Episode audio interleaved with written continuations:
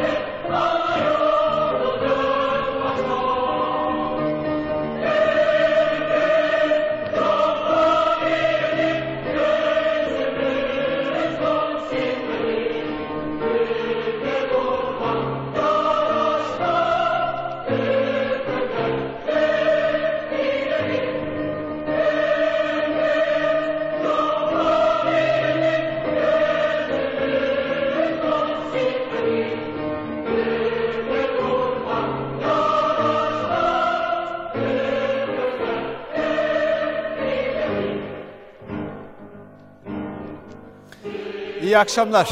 Bugün 29 Ekim 2020 Perşembe. Cumhuriyetimizin kuruluşunun 97. yıl dönümü. Doğum günümüz kutlu olsun. Cumhuriyetin kurucusu Gazi Mustafa Kemal Atatürk ve silah arkadaşlarını burada sevgi, saygı, minnet ve rahmetle anıyoruz. Ve arkadaşlarımız var. Bu akşam törenlerden, kutlamalardan canlı yayınlarda onlarla birlikte olacak. İzleyicilerimiz ve biz buradaki hepimiz, bütün arkadaşlarımız onlarla birlikteyiz.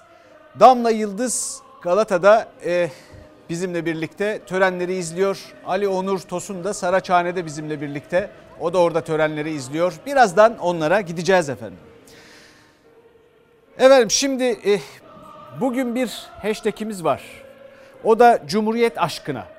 Bugün bununla ilgili ne paylaşmak istiyorsanız bizimle paylaşın. Ama ben bugün Atatürk'ten, Nutuk'tan, başka başka yerlerde, röportajlarda verdiği sözlerden bir şeyler de paylaşmak istiyorum.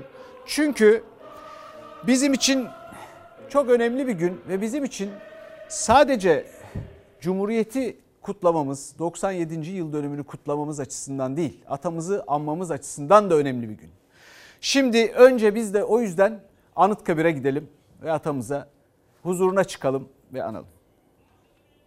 Ülkemizin önünü kesmeye yönelik içeriden ve dışarıdan gelen saldırılar mücadele azmimizi güçlendirmekte, kararlılığımızı daha da artırmaktadır. Anıtkabir özel defterine düştüğü notta iç ve dış saldırı vurgusu dikkat çekti. Cumhurbaşkanı Erdoğan'ın Bahçeli ile sohbeti dışında liderlerin en küçük bir temasını kameralar kaydedemedi. Cumhuriyetin kuruluşunun 97. yıl dönümü kutlamalarında ilk adres Anıtkabir'di. Liderlerin de aynı karede olduğu tek tören. Cumhurbaşkanı Kılıçdaroğlu, Akşener ve Bahçeli. Mozel'e çelenk konulmasının ardından bir sonraki durak Misak-ı Milli Kulesi'ydi. Bize emanetiniz olan Cumhuriyeti ileriye taşımak, hedefleri ve hayalleriyle buluşturmak için çalışıyoruz. Türkiye bugün demokrasiden özgürlüklere, savunmadan ekonomiye, sağlıktan dış politikaya kadar her alanda başarıdan başarıya koşmaktadır. Anıtkabir özel defterini imzalayan Cumhurbaşkanı Erdoğan kendisini Misak-ı Milli Kulesi önünde bekleyen MHP lideri Bahçeli ile de bir süre sohbet etti. Milliyetçi Hareket Partisi Genel Başkanı. 29 Ekim kutlamaları Beştepe'de tebrikleri kabul töreniyle devam etti. Yine koronavirüs tedbirleri kapsamında mesafeli. Akşener ve Kılıçdaroğlu yoktu o törende. CHP lideri aynı dakikalarda Cumhuriyet'in ilan edildiği birinci meclisteydi. 97 yıl önce bu binada alkışlar vardı, gözyaşları vardı, kucaklaşmalar vardı. Cumhuriyet'in ilanı bizim en büyük devrimimizdir. Cumhuriyetimizi demokrasiyle taşlandırmak zorundayız. Türkiye Büyük Millet Meclisi'nden birinci meclise geçit töreni de düzenlendi. Cumhurbaşkanlığı Millet Kütüphanesi'nde Milli Mücadele sergisini de açtı Erdoğan. Efendim şimdi 19-23'ü heyecanla bekliyoruz. Neden? Çünkü tüm Türkiye hep birlikte İstiklal Marşımızı söyleyeceğiz. Biz de canlı yayında bunu paylaşacağız sizinle. Biz de söyleyeceğiz. O yüzden onu hatırlatalım ee, ve Cumhuriyetimizi kutlamaya 97. yıl dönümünü kutlamaya bir yandan devam edelim. Cumhuriyet, Türkiye Cumhuriyeti 20. yüzyılın en büyük başarı hikayesi. Hem de tüm dünya için. Ve emin olun 21. yüzyıl için de aynısı olacak. Ama yeter ki, yeter ki unutmayın. Yeter ki ümitsizliğe kapılmayın. Cumhuriyet aşkına bunu yapın. E, Cumhuriyet aşkına neyi unutmayın diyoruz peki? Onu da İlhan Berk'ten söyleyelim. Cumhuriyetin ilk günleri gibiydi yüzün diyor şair bir şiirinin son mısrasında. Tıpkı öyle. Biz de o yüzü tekrar hatırlamak için bu sefer resmi törenden sonra halkımızın Anıtkabir'e akın ettiği o görüntüleri paylaşalım. Bir teşekkür etmeden dönmek yok. Cumhuriyet hepimizin cumhuriyeti. Emaneti bizde. Yaşasın Türk Cumhuriyeti. Ne mutlu Türk'üm diyene. Çok coşkuluyuz. Atatürk önderimiz.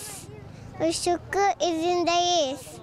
Mutluyuz, sevinçliyiz. Yaşasın Cumhuriyet. 7'den 70'e dillerde Cumhuriyet ve Atatürk vardı. Şükran, minnet, gurur, özlem tüm duygularını iletmek, Cumhuriyet coşkusunu yaşamak isteyenlerin ortak adresiydi Anıtkabir. Ben atamızın ölüm döşeğindeyken kurtardığı Hatay İskenderun'dan geliyorum. Bir kadın olarak gurur duyuyorum. 29 Ekim bağımsızlık, cumhuriyet, her şey. Atatürk yoktu. Düşman çoktu. Atatürk geldi.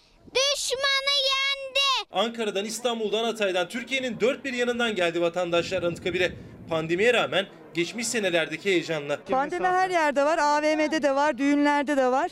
Biz burada mesafemizi de koruruz. Buraya gelen insanlar bilinçli insanlar. Pandemi engellemez yani. Resmi tören bitti. Anıtkabir sivillerin ziyaretine açıldı ama pandemi şartları gerekçesiyle dikkatler en üst seviyede. Maske ve mesafe olmazsa olmaz kural. İyi ki Türkiye Cumhuriyeti vatandaşıyım. İyi ki Mustafa Kemal Atatürk'ün e, sayesinde de bugünleri görmüş bir Türk öğretmeniyim. Özgürlük, demokrasi, eşitlik, adalet, insan hakları, cumhuriyet kimsesizlerin kimsesidir. Anıtkabir'e giriş gibi mozoleye de sosyal mesafe kuralına uyarak sırayla girdi binlerce kişi.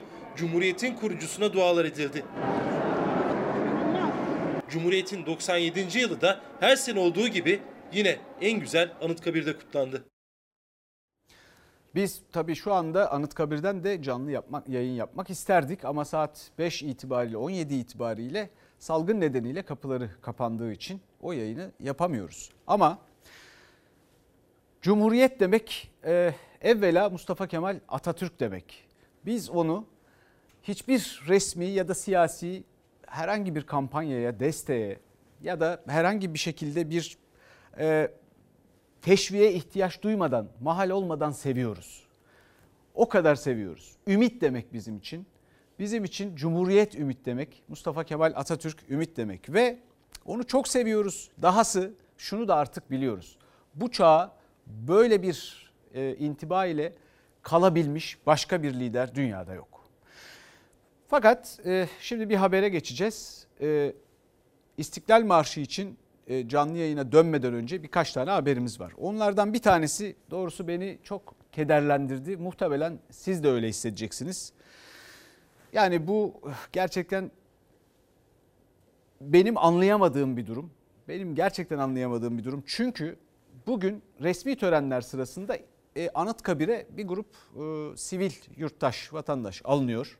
Bu sivil yurttaşlar, vatandaşlarımız içeri giriyorlar ama bir listeye göre ve isimleri bulunuyor orada. O isimleri ve listeyi taşıyanlar var. İçeri giriyorlar ve içeride Cumhurbaşkanı yine daha önceki törenlerde olduğu gibi Cumhurbaşkanı Erdoğan için slogan atıyorlar, tezahürat yapıyorlar. Peki bu listeyi kim hazırlıyor? Bu salgın zamanında insanlarımız mesela belli bir saatten sonra giremezken ya da o törenleri izleyemezken, katılamazken oraya neye göre alınıyorlar? Orası kimin sorumluluğunda? Bunların cevaplarını bekliyoruz. Bu listeyi kim hazırladı?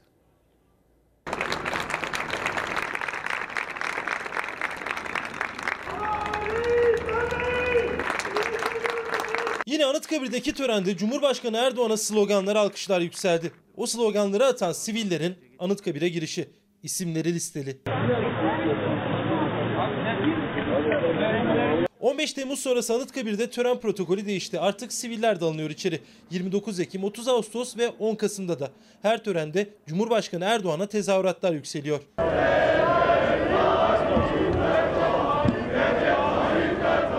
Bu sene 29 Ekim'de de siviller avludaydı. Mozeleye çelenk bırakılmasının ardından Cumhurbaşkanı görünür görünmez alkışlar başladı. Sonrasında reis sloganları.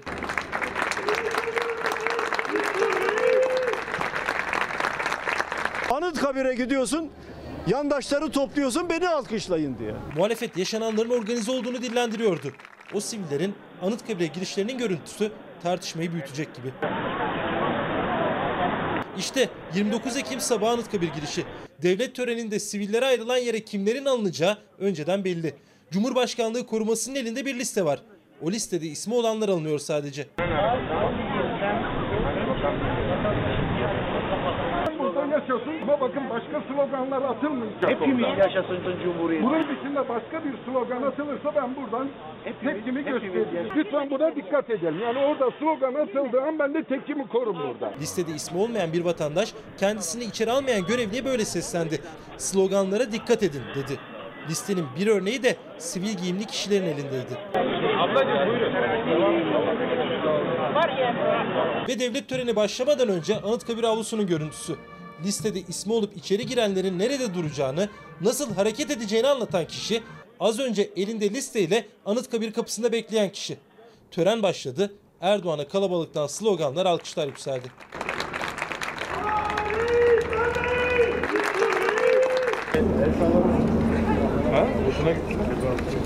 Cumhurbaşkanı kendisini alkışlayan vatandaşları selamlarken CHP lideri öfkesini o anda da gizlemedi.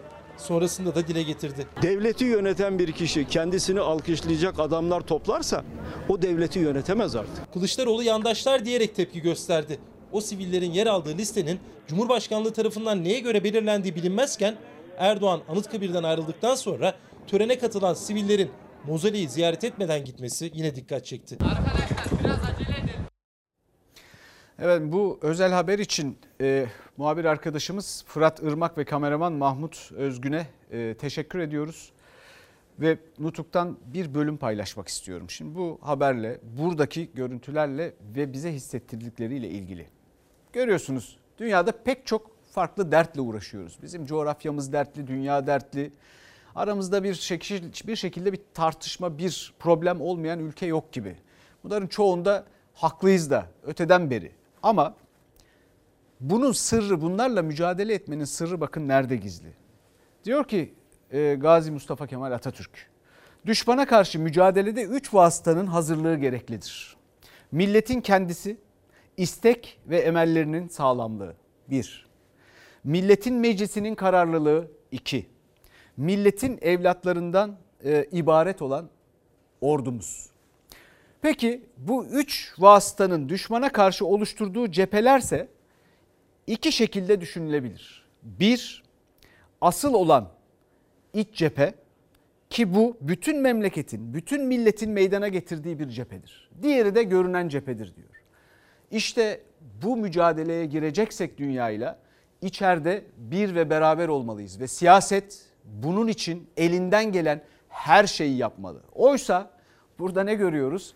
Burada bir akreditasyon listesiyle yani atamızla Anıtkabir'le milletimiz arasına giren bir akreditasyon listesiyle seçilerek belli insanların içeri alındığını görüyoruz. Eğer bu böyleyse bu listenin gerçekten nasıl hazırlandığını hepimiz merak ediyoruz. Nereden geldiğini.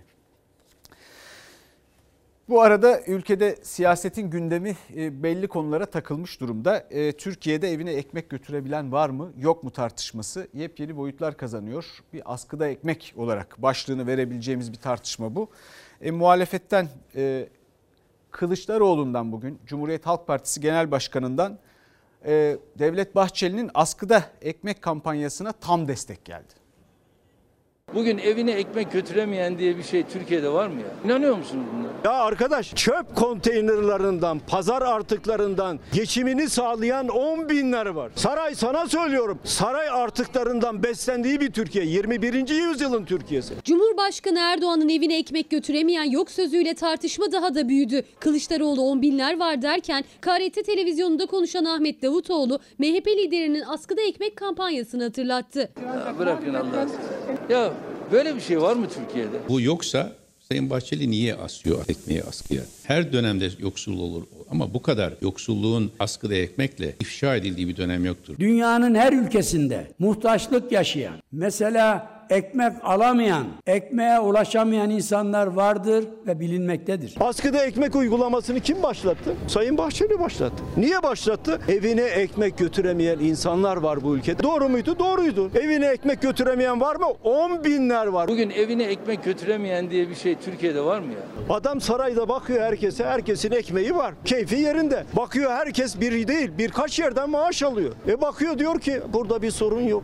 Büyüme oranına bakıyorsun şu anda dünyada en iyi noktada olan bir ülkeyiz. IMF'in ölçeklerine bakıyorsun, OECD'nin ölçeklerine bakıyorsun. En iyi konumda olan ülke konumundayız. Ama bunlar hesap kitap bilmiyor. Hiçbir Osmanlı padişahına nasip olmayacak kadar sarayınız var. Kendisine tavsiyem şu. Bu saraylardan birisine gitsin otursun. Yanına ekonomiden pembe masallar diye bir de kitap alsın. Damadını yazdı. Okusun. Kendi dünyasını kendisi yaşasın. Adamın dünyadan haberi yok ya. Bir yanda MHP liderinin askıda ekmek kampanyası, diğer yanda Cumhurbaşkanı'nın evine ekmek götüremeyen yok sözleri. Muhalefet, Cumhur İttifakı ortaklarında çelişki var dedi. Bahçeli kendi kitlesinden gelen bazı tepkileri görüyor ve bir fakirleşme olduğunun farkına varmaya çalışıyor. Ama arada görüş ve gerçeklik farkı da aslında Cumhur İttifakı'nın ne kadar kırılgan olduğunu gösteriyor. Bir yandan da çanta tartışması sürüyor. Cumhurbaşkanı Erdoğan'ın sert eleştirilerine e, Kılıçdaroğlu'ndan sert bir yanıt geldi. Hatta bir davet geldi. Açık oturum televizyonda istediği televizyonda diyerek bu çanta konusu, çanta meselesi kavgası büyüyor efendim. Devlet yöneticilerinin yoksulluğun bu boyutlarda olduğu bir dönemde 50 bin dolarlık çantayla gezmelerini doğru bulmam. Vicdani değil, ahlaki de değil, imani de değil. Sende zerre kadar yürek varsa sen benimle ilgili konuş. Eşimle ilgili konuşma. Seninle konuşuyorum. Cesaretin varsa gel. Yüreğin varsa gel. Boyun var, busun var. Mangal gibi yürek varsa, eğer dünyaya meydan okuyorsan, e bir de bana meydan oku kardeş. Çıkalım senin televizyonuna. A Haber var, diğerleri var. Çıkalım. Cumhurbaşkanının restine reste karşılık verdi CHP lideri. 50 bin dolarlık çanta polemiğinde sözleri Erdoğan'ınki kadar sertti. Açlıktan çocuklar ölürken 50 bin dolarlık çanta taşıyorsanız ben buna isyan ederim. Ve isyan ediyorum. Cumhurbaşkanı Erdoğan'ın Fransız mallarını boykot çağrısına karşı Kılıçdaroğlu boykot saraydan başlasın dedi. Emine Erdoğan'ın Fransız marka çanta kullandığını söyleyerek. Bir çanta var. Emine Hanım'ın çantası. 50 bin dolar.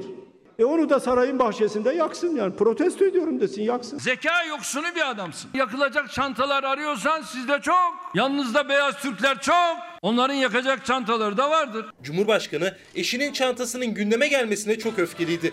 Gözler Kılıçdaroğlu'na çevrildi. Erdoğan sinirlerine hakim olan birisi değil. O konuşmamda işsizlikten söz ettim. Esnafın derdinden söz ettim. Her şeyden söz ettim. Ama onun kafasında kalan ne? 50 bin dolarlık çanta. Sen ne biçim siyasetçisin ya? Sende o yürek varsa siyasetçiysen benimle ilgili konuş. Komşusu açken tok yatan bizden değildir diyorsa sevgili peygamberimiz. Komşusu bırakın aç olmayı. Binlerce kişi açken siz 50 bin dolarlık çantayla gezemezsiniz. Ben bir kişiye hedef almış değilim. CHP lideri Emine Erdoğan'ın şahsını hedef almadığının altını kalın kalın çizdi. Eleştirisini daha da büyütüp Erdoğan'a öfkesini gizlemedi. Ya bu vatandaş Fransız malını alacak parası var mı ya? Bir tarafta askıda ekmek var, bir tarafta da 50 bin dolarlık çanta taşıma var. Aile mefhumunu bir kenara koymak suretiyle hala buralardan oy devşireceklerini zannediyorlar. Çocuk aç yatacak, 10 milyonlarca gencimiz işsiz olacak. Sen taşıyacaksın 50 bin dolarlık çantayı, ben ağzıma ban çekeceğim. Bedelini ödediğiniz bir ürünü boykot etmezsiniz. Çünkü artık o ürünü satın almışsınız, parasını ödemişsiniz. 50 bin dolarlık çantayı ülkeyi yönetenlerin kendileri taşıyamazlar. Dünyanın her tarafında devleti yönetenler eşleriyle beraber topluma örnek olmak zorundadırlar. Saray sosyetesi diye bir sınıf çıktı ortaya. Yeter artık ya. Yeter artık ya. 50 bin dolarlık çanta polemiğinde CHP liderinin sözleri sonrası gözler Erdoğan'da. Tartışmayı sürdürüp sürdürmeyeceğinde. Türkiye Cumhuriyeti'nin 100. yılına e, yaklaşırken 97. yıl dönümünü kutlarken biz bu çanta tartışması bana öyle şeyler hatırlatıyor ki böyle bu bir Fransız markası böyle markaları şimdiye kadar yaratmış olması gerekirdi.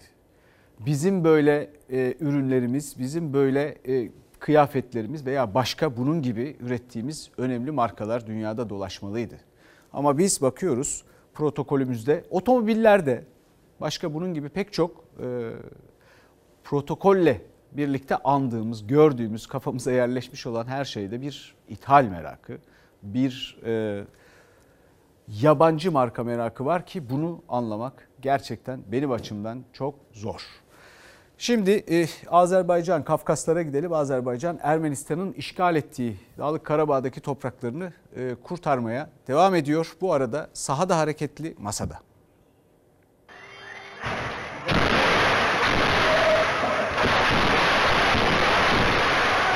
Ermenistan masum sivilleri böyle hedef aldı. Rusya Devlet Başkanı Putin, Karadağ için yapılacak barış görüşmelerine Türkiye'de katılmalı mesajı verdi. Azerbaycan'ın Dağlık Karabağ işgalden kurtarmak için yürüttüğü harekatta şiddetli çatışmalar yaşanıyor. Azerbaycan ordusu Hocavent, Fuzuli ve Kubatlı'da Ermenistan'a ağır kayıplar verdirdi. Tanklar, füze sistemleri ve karakolları imha etti. Ermenistan'ın 1. Ordu Komutan Yardımcısının da saldırılarda öldüğü ortaya çıktı. Azerbaycan Ermenistan'a ait 2 Su-25 uçağını düşürdü. Ermenistan'ın Berde şehir merkezine saldırısında hayatını kaybedenler gözyaşlarıyla son yolculuklarına uğurlandı. Saldırının dehşeti bir mağazanın güvenlik kamerasına yansıdı. Füzelerin caddeye düşmesiyle halkın canını kurtarmak için mağazalara sığındığı görüldü.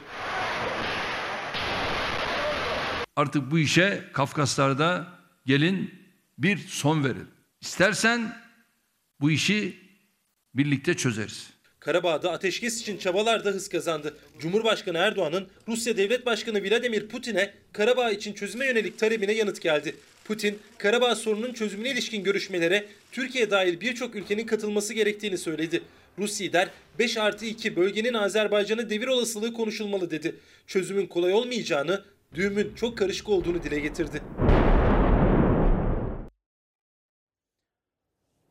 Efendim şimdi e, Galata'ya muhteşem bir Galata Kulesi manzarasıyla e, İstanbul'dan çok güzel görüntülerle birazdan İstiklal Marşımızı söyleyeceğiz hep birlikte. Buna hepimiz hazır olalım ve tam 19.23'te e, bağlanacağız. Bütün Türkiye hep birlikte İstiklal Marşımızı söyleyeceğiz. Cumhuriyet aşkına söyleyeceğiz İstiklal Marşımızı. Cumhuriyet bizim ümidimiz. Cumhuriyet yani bütün dünyaya karşı, kötülüğe karşı iyilikle meydan okumamız bizim. Cumhuriyet bizim kişiliğimiz, hikayemiz, karakterimiz. Cumhuriyet teminatımız. Cumhuriyet birliğimize, e, beraberliğimize vesile olan temelimiz, birbirimize saygımız. Bu o kadar önemli bir şey ki bunu asla unutmamalıyız. Ve İstiklal Marşımız.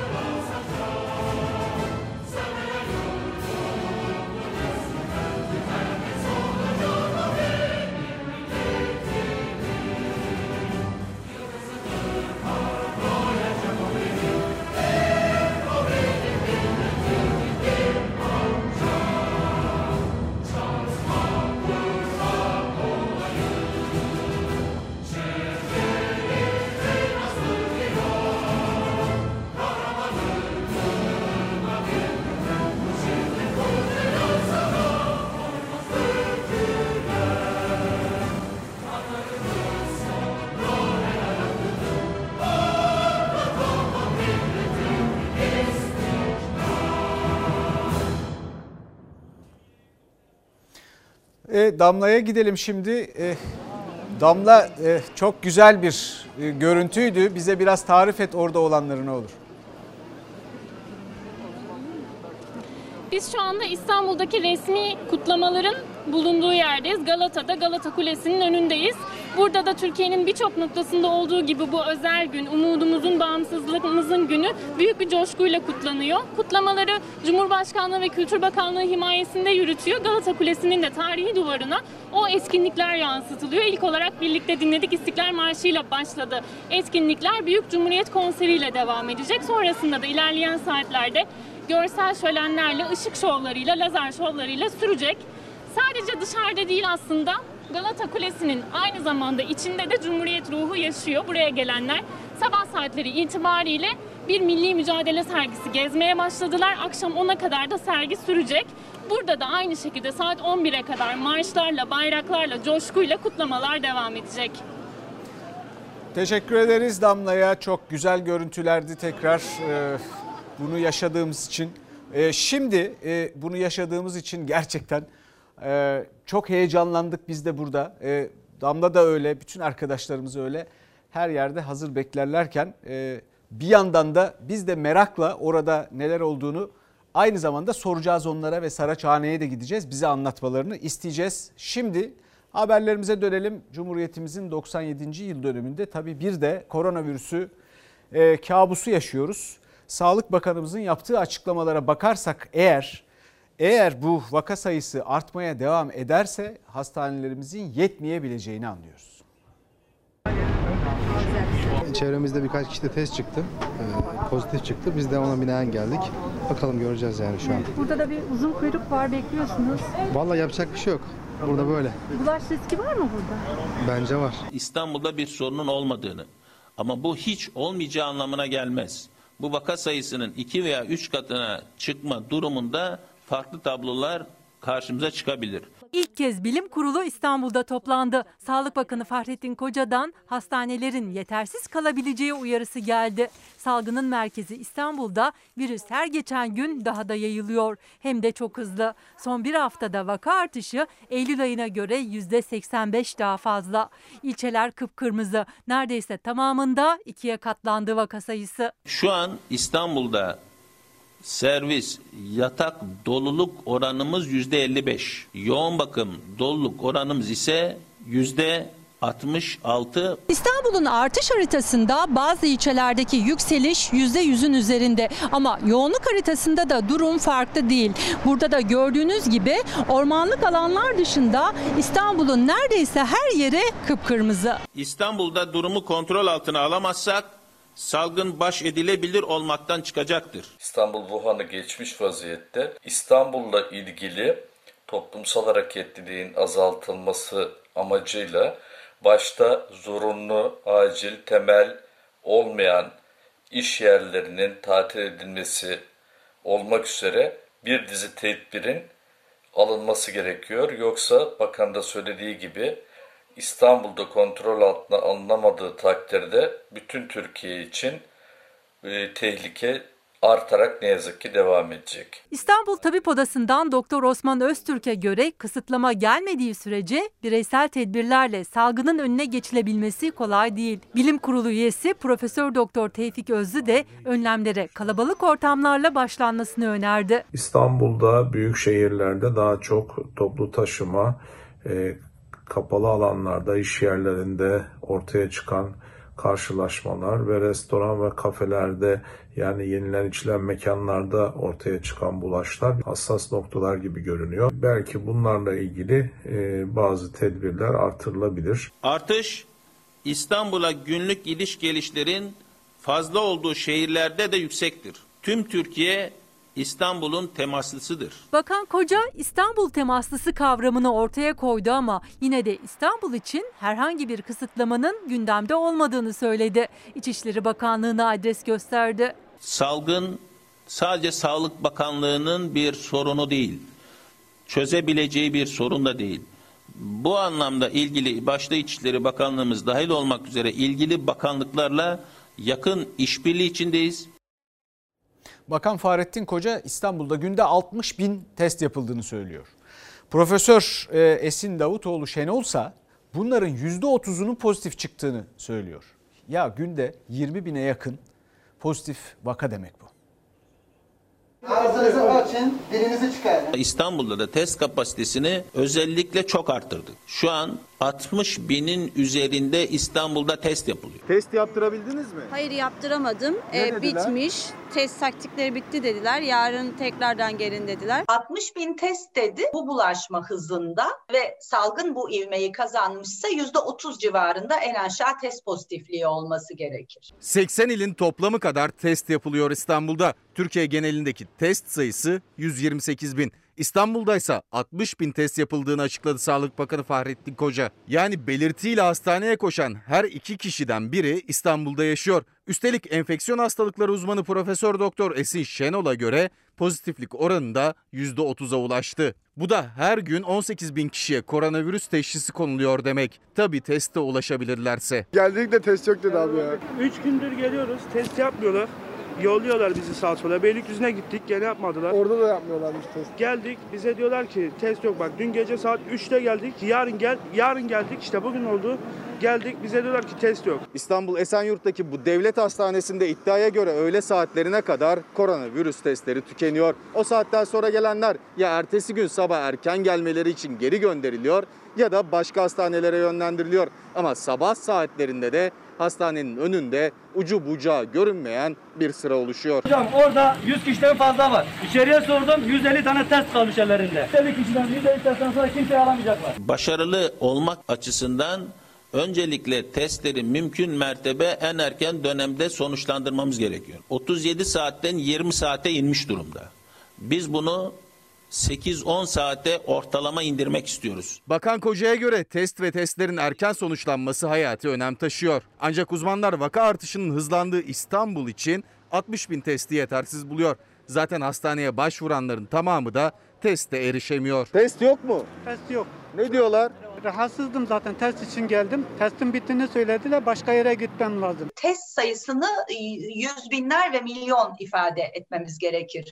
İstanbul için. Bize de kısıtlı veriliyor test. Bütün merkezlerin belli bir hakkı var. Atatürk Havalimanı'ndaki pandemi hastanesine gönderdiler bizi. Burada test yaptıramadınız yani. Hayır yaptıramadık. Belli bir sayı var dediler. O sayıdan olabilirseniz olursun. Olamazsanız oraya gidin dediler. Profesör Şenol'a göre kalabalık ortamlarda bulunmak zorunda olanlara toplu testler yapılmadıkça yayılmayı durdurmak zor. Test sonuçlanma sürelerini kısaltıyor olmak yetmez. Aslında bütün neredeyse iş yeri girişleri, okul bahçeleri, ulaşılabilir noktalarda insanların kendilerinin burun sürüntülerini alıp teslim edebileceği bölgeler oluşturmak gerekir.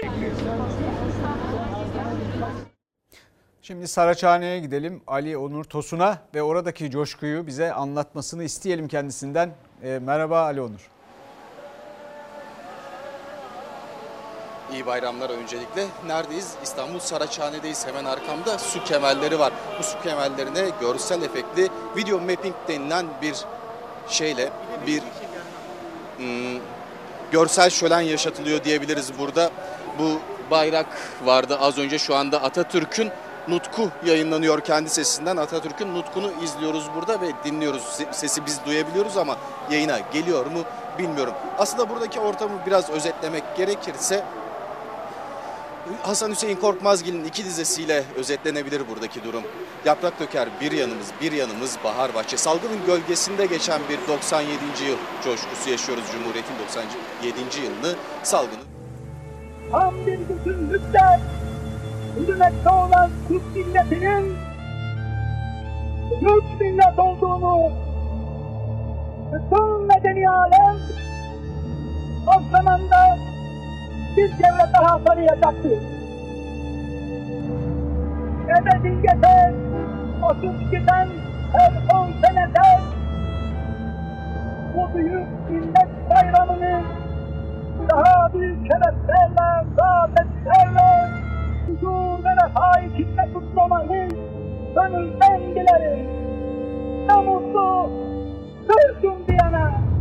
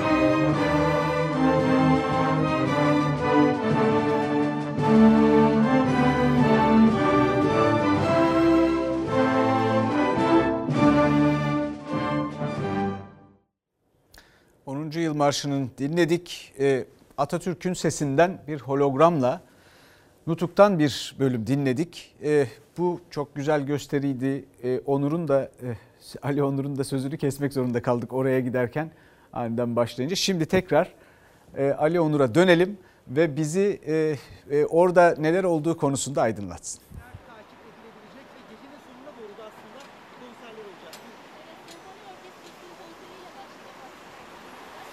Evet Selçuk Tepeli Saraçhane'deyiz. Tam arkamda az önce de bahsettiğim gibi su kemerleri var. Bu su kemerlerine video mapping tekniğiyle görseller yansıtılıyor. Aslında saat 18.30'dan itibaren burada bir Türk bayrağı izledik biz. Onun ardından Nutku dinledik. Atatürk'ün kendi sesinden dinledik ve görüntüsünü de görme imkanımız buldu. Şu sıralarda da İstanbul Büyükşehir Belediye Başkanı Ekrem İmamoğlu'nun bayram mesajı yayınlanacak. Yine belediye binasının önünde kurulmuş bir dev ekran var. Oradan da bu mesaj canlı olarak yayınlanacak. Bu görseller, bu orkestranın çaldığı 10. yıl marşı da aslında Haliç Kongre Merkezi'nde. Orada da etkinlikler devam edecek. Bu arkamda su kemerlerine yansıtılan görsel şovda gece saatlerinde, ilerleyen saatlerde de sürmeye devam edecek İstanbullular gelip izleyebilirler. Şu anda burada izleyen bir kalabalık zaten var ama sosyal mesafe korunmaya çalışılıyor. Arkamda küçük bir kalabalık vardı. En son kameraman arkadaşım Ayhan Dursun gösterebilecek mi size bilmiyorum ama orada o fotoğraf çeken bu anı ölümsüz, ölümsüzleştirmek isteyenler var. Yine hemen sağ tarafımda bekleyenler var. Onlar da sosyal mesafeyi koruyarak buradaki bu görsel şovu izlemeye çalışıyorlar. Ama dediğim gibi çok büyük bir coşku böyle insanların, kitlelerin iç içe geçtiği bir kutlama maalesef göremiyoruz salgın sebebiyle burada. E, Ali çok teşekkür ederiz sana. E, biz de orada olmayı isterdik ama tabii bu salgın önlemleri nedeniyle e, bir yandan da bir takım kısıtlamalar var. Onlar da tartışıldı durdu biliyorsunuz. Çünkü başka hiçbir şeyde o kısıtlamalar yokken Cumhuriyetimizi, Cumhuriyet Bayramımızı kutlarken neden oluyor diye soran oldu, eleştiren oldu. E, ama e, çok da güzel görüntüler vardı. İnsanların içinde bu istek, bu heves, bu kutlama azmi olduktan sonra her türlü kutlarız. Şimdi e, Mustafa Kemal Atatürk'ten bir küçük e, nutuktan bir şey okumak istiyorum. Ne kadar önemli. Tamamıyla bizim şu anki koşullarımızın bir anlamda bizim açımızdan bir ibret olacak, bir ders olacak, bir şekilde bir öğüt olacak gibi e, bağlantı kurabileceğimiz cümleleri e, Mustafa Kemal Atatürk'ün. Diyor ki tam bağımsızlık demek elbette siyaset, maliye, ekonomi, adalet, askerlik, kültür gibi her alanda tam bağımsızlık ve özgürlük demektir. Herhangi birinde bağımsızlıktan yoksunluk, ulus ve yurdun gerçek anlamıyla bütün bağımsızlığından yoksunluğu demektir. Bu o kadar önemli ki bu detayların hiçbirini kaçırmamalıyız. Bilhassa ekonomide. Şimdi Toplu ulaşımla ilgili de e, kaygılarımız var. Haberlerimize devam edelim. E, koronavirüsüyle mücadelede toplu ulaşım tehlikeli bulaşın en yüksek olduğu yer alan orası biliyorsunuz. E, bunun için de Sağlık Bakanlığı'ndan bir esnek mesai çağrısı geldi. İşverenlere sesleniyorum.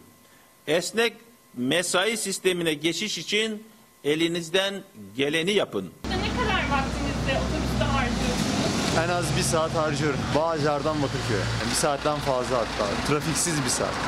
Otobüsler bayağı dolu olduğu için Otobüste sosyal mesafeyi koruyabiliyor musunuz? iş çıkış ve giriş saatlerinde daha kalabalık oluyor. Hiç koruyamıyoruz. İstanbul'da trafik yoğun, mesafeler uzak. Otobüs, minibüs, metrobüs ve duraklarda yoğunluk yaşanıyor. Sağlık Bakanı Fahrettin Koca işverenlere seslendi. Esnek mesai çağrısında bulundu. Çünkü bakana göre en büyük risk toplu taşımada. Bunu da azaltmanın yolu vardiya sisteminden geçiyor. Birinin hastalığa yakalanmasıyla hepsi temaslı olur. Tüm temaslılar mecburen izole edilir. Vardiya sisteminde risk azalır. Trenle gittiğim için 20 dakikada gidiyorum. Salgının merkezi İstanbul'da metro ve Marmara ile yolculuk yapanlar kalabalıkta en azından daha kısa süre kalıyor ama çalışanların büyük kısmı otobüs, metrobüs ya da minibüsle gidip geliyor işe. Bu araçlarda da büyük yoğunluk yaşanıyor. Koronavirüsün yayılması hızlanıyor. Sağlık Bakanı çözüme ihtiyaç var dedi. En çok ihtiyaç duyduğumuz konu toplu ulaşımdır. Sosyal mesafenin korunamadığı toplu ulaşım en büyük risk kaynaklarındandır. Yolculuk dolayısıyla risk süresi uzundur. 1 saat 15 dakika sürüyor. Kartal'da oturuyorum. Nişantaşı'nda çalışıyorum öğretmenim. İstanbul'da trafik yoğun özellikle de işe giriş çıkış saatlerinde. Bu da bir İstanbullunun işe gitmek için ortalama günde bir buçuk saatini otobüste geçirmesi anlamına geliyor. Bir saat. İşe gidip geliyor. Evet. Bir saatte de iki saatte yolda geçiyor. Evet. Maalesef. Zor oluyor ama mecburuz. Mutasyon daha çok bulaştırıcılığı artması şeklinde karşımıza çıkıyor. Yani daha önce 15-20 dakika yakın mesafede bir arada olunduğunda bulaşan virüs artık daha kısa süreyle bir arada olduğunuzda bulaşabilir özelliği söz konusu. Virüsün mutasyona uğradığını da açıkladı Bakan Koca ama istenilenin aksine olumsuz yönde. Virüs eskisinden de hızlı yayılıyor artık. Toplu ulaşım araçlarında geçirilen her dakikada risk daha da artıyor. Nüfus yoğunluğu nedeniyle İstanbul'da bir hasta 3 kişiye virüs bulaştırabiliyor. Bu yüzden Sağlık Bakanı temasın 3'te 1'e düşürülmesini istedi. Dışarı çıktığımızda 3 yere uğruyorsak bunu 1'e indireceğiz. Emeklilikte yaşa takılanlar imza toplamaya başladı. Hedefleri 5 milyon imza. Emeklilikte yaşa takılanlar, EYT'li arkadaşlar, standını ziyaret edelim. Birinci adım standın lütfen. Devletimiz emekli etmiyor, gençsin diyor, işverenlerimiz yaşlısın çalıştırmıyor. 10 aydır işsizim. Üniversite okuyan bir çocuğum var. Bu ay işsizlik primimin son ayı. Ne yapacağım bilmiyorum. 47 yaşından sonra ben babama muhtaç oldum. Süreçte 5 milyon, aileleriyle birlikte düşündüğünüz zaman 15 milyon 20 milyonu bulan bir sayı. Topladığımız imzamızı Cumhurbaşkanlığımıza bizzat elden de teslim edeceğiz. Emeklilikte yaşa takılanlar ya anne babalarına ya da evlatlarına muhtaç. Aynı kaderi paylaşanlar imzalarını bir araya getirerek Cumhurbaşkanı Erdoğan'ın kapısını çalmaya hazırlanıyor. Bu kez de seslerini İstanbul'da kurdukları standtan duyurmaya çalıştılar. Onlar yaşlı denilerek çalıştırılmıyor, genç denilerekse emekli edilmiyor. Çıksın artık bu yasa! Çıksın artık bu yasa! Devletimiz bana sigortaya ilk girdiğimde bana 25 yıl çalış, 5600 prim günlük tamamla. Adem Karlı seni emekli edeceğim dedi. Emeklilik e, yaşım geldiği zaman bir de baktım ki 10 yıl daha beklemem gerekiyor. Ne emekli olabiliyorlar ne de kolay iş bulabiliyorlar. Ellerinde borçları var, evlerinde ise geçim derdi. Babamın evinde oturuyorum. İster istemez kredi kullanıyoruz. Onu oraya, onu oradan öyle geçinip gitmeye çalışıyoruz. Bundan sonrası için bir planınız var Ya memlekete babamın yanına gideceğim. Yani iş arıyorum bulamıyorum. Ne diyorlar, ne cevap alıyor? Yaş. Çok yaşlısınız. Ben 47 yaşındayım. Bize yaramazsınız diyorlar. 47 yaşındaki Zarife Kökneroğlu da emeklilik için yaşının dolmasını beklerken işten çıkartıldı. 10 aydır tek geliri işsizlik maaşıydı, sonuncusunu aldı ve tutunduğu son dalda kırıldı Kökneroğlu'nun. 72 yaşındaki babasının göndereceği harçlığa muhtaç artık. Başka hiçbir geliriniz yok. 350 liralık bir gelirim var. Sadece 350 lira. Babam gönderiyor işte. Ba- Babam size harçlık mı? Babanız kaç yaşında? Babam 72 yaşında.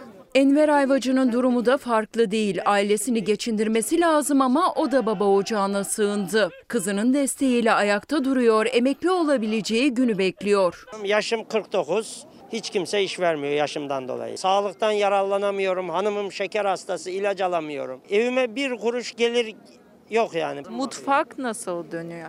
Mutfak kızım bakıyor. Mahcup durumdayım. Son bir dakikada Atatürk'le geniş bir röportajdan bölümler paylaşacağım. Şimdi bir reklam arası. Mustafa Kemal Atatürk Temmuz 1923'te Cumhuriyet'in ilanından biraz önce, birkaç ay önce e, Amerikan e, Saturday Evening Post isimli bir dergiye röportaj veriyor. Röportajda soru şu. Pek çok soru var, çok uzun bir röportaj ama birkaç alıntı yapacağım. Türkiye'yi soruyorlar. Diyor ki Mustafa Kemal Atatürk, Demokrasi insan ırkının ümididir. Savaş için yetişmiş benim gibi bir askerin böyle konuşması size garip gelebilir. Oysa yeni Türkiye'nin temelindeki fikir aynen budur. Yeni Türkiye'nin ilk ve en önemli düşüncesi siyasal değil ekonomiktir. Biz dünya üretiminin de tüketiminin de bir parçası olmak istiyoruz. Emperyalizm ölüme mahkumdur diyor ve o ölümü de Kurtuluş Savaşı ve Cumhuriyet'in kurulmasıyla ifade ediyor. Dünyayı soruyorlar. Diyorlar ki dünyanın halini nasıl görüyorsunuz? O da diyor ki dünyanın hali küçük çaplı siyasetin baş belası olması yüzünden kötüdür. Küçük çaplı siyasetten kurtulmak gerekir. kamu hizmetinin en yüce şekli bencil olmayan çabadır. Bizden bu akşamlık bu kadar efendim. Ee, Cumhuriyet Bayramımız 97. yılımız tekrar kutlu olsun. İyi akşamlar dileyelim. Eh, bizden sonra Mucize Doktor var yeni bölümüyle. Yarın görüşmek üzere.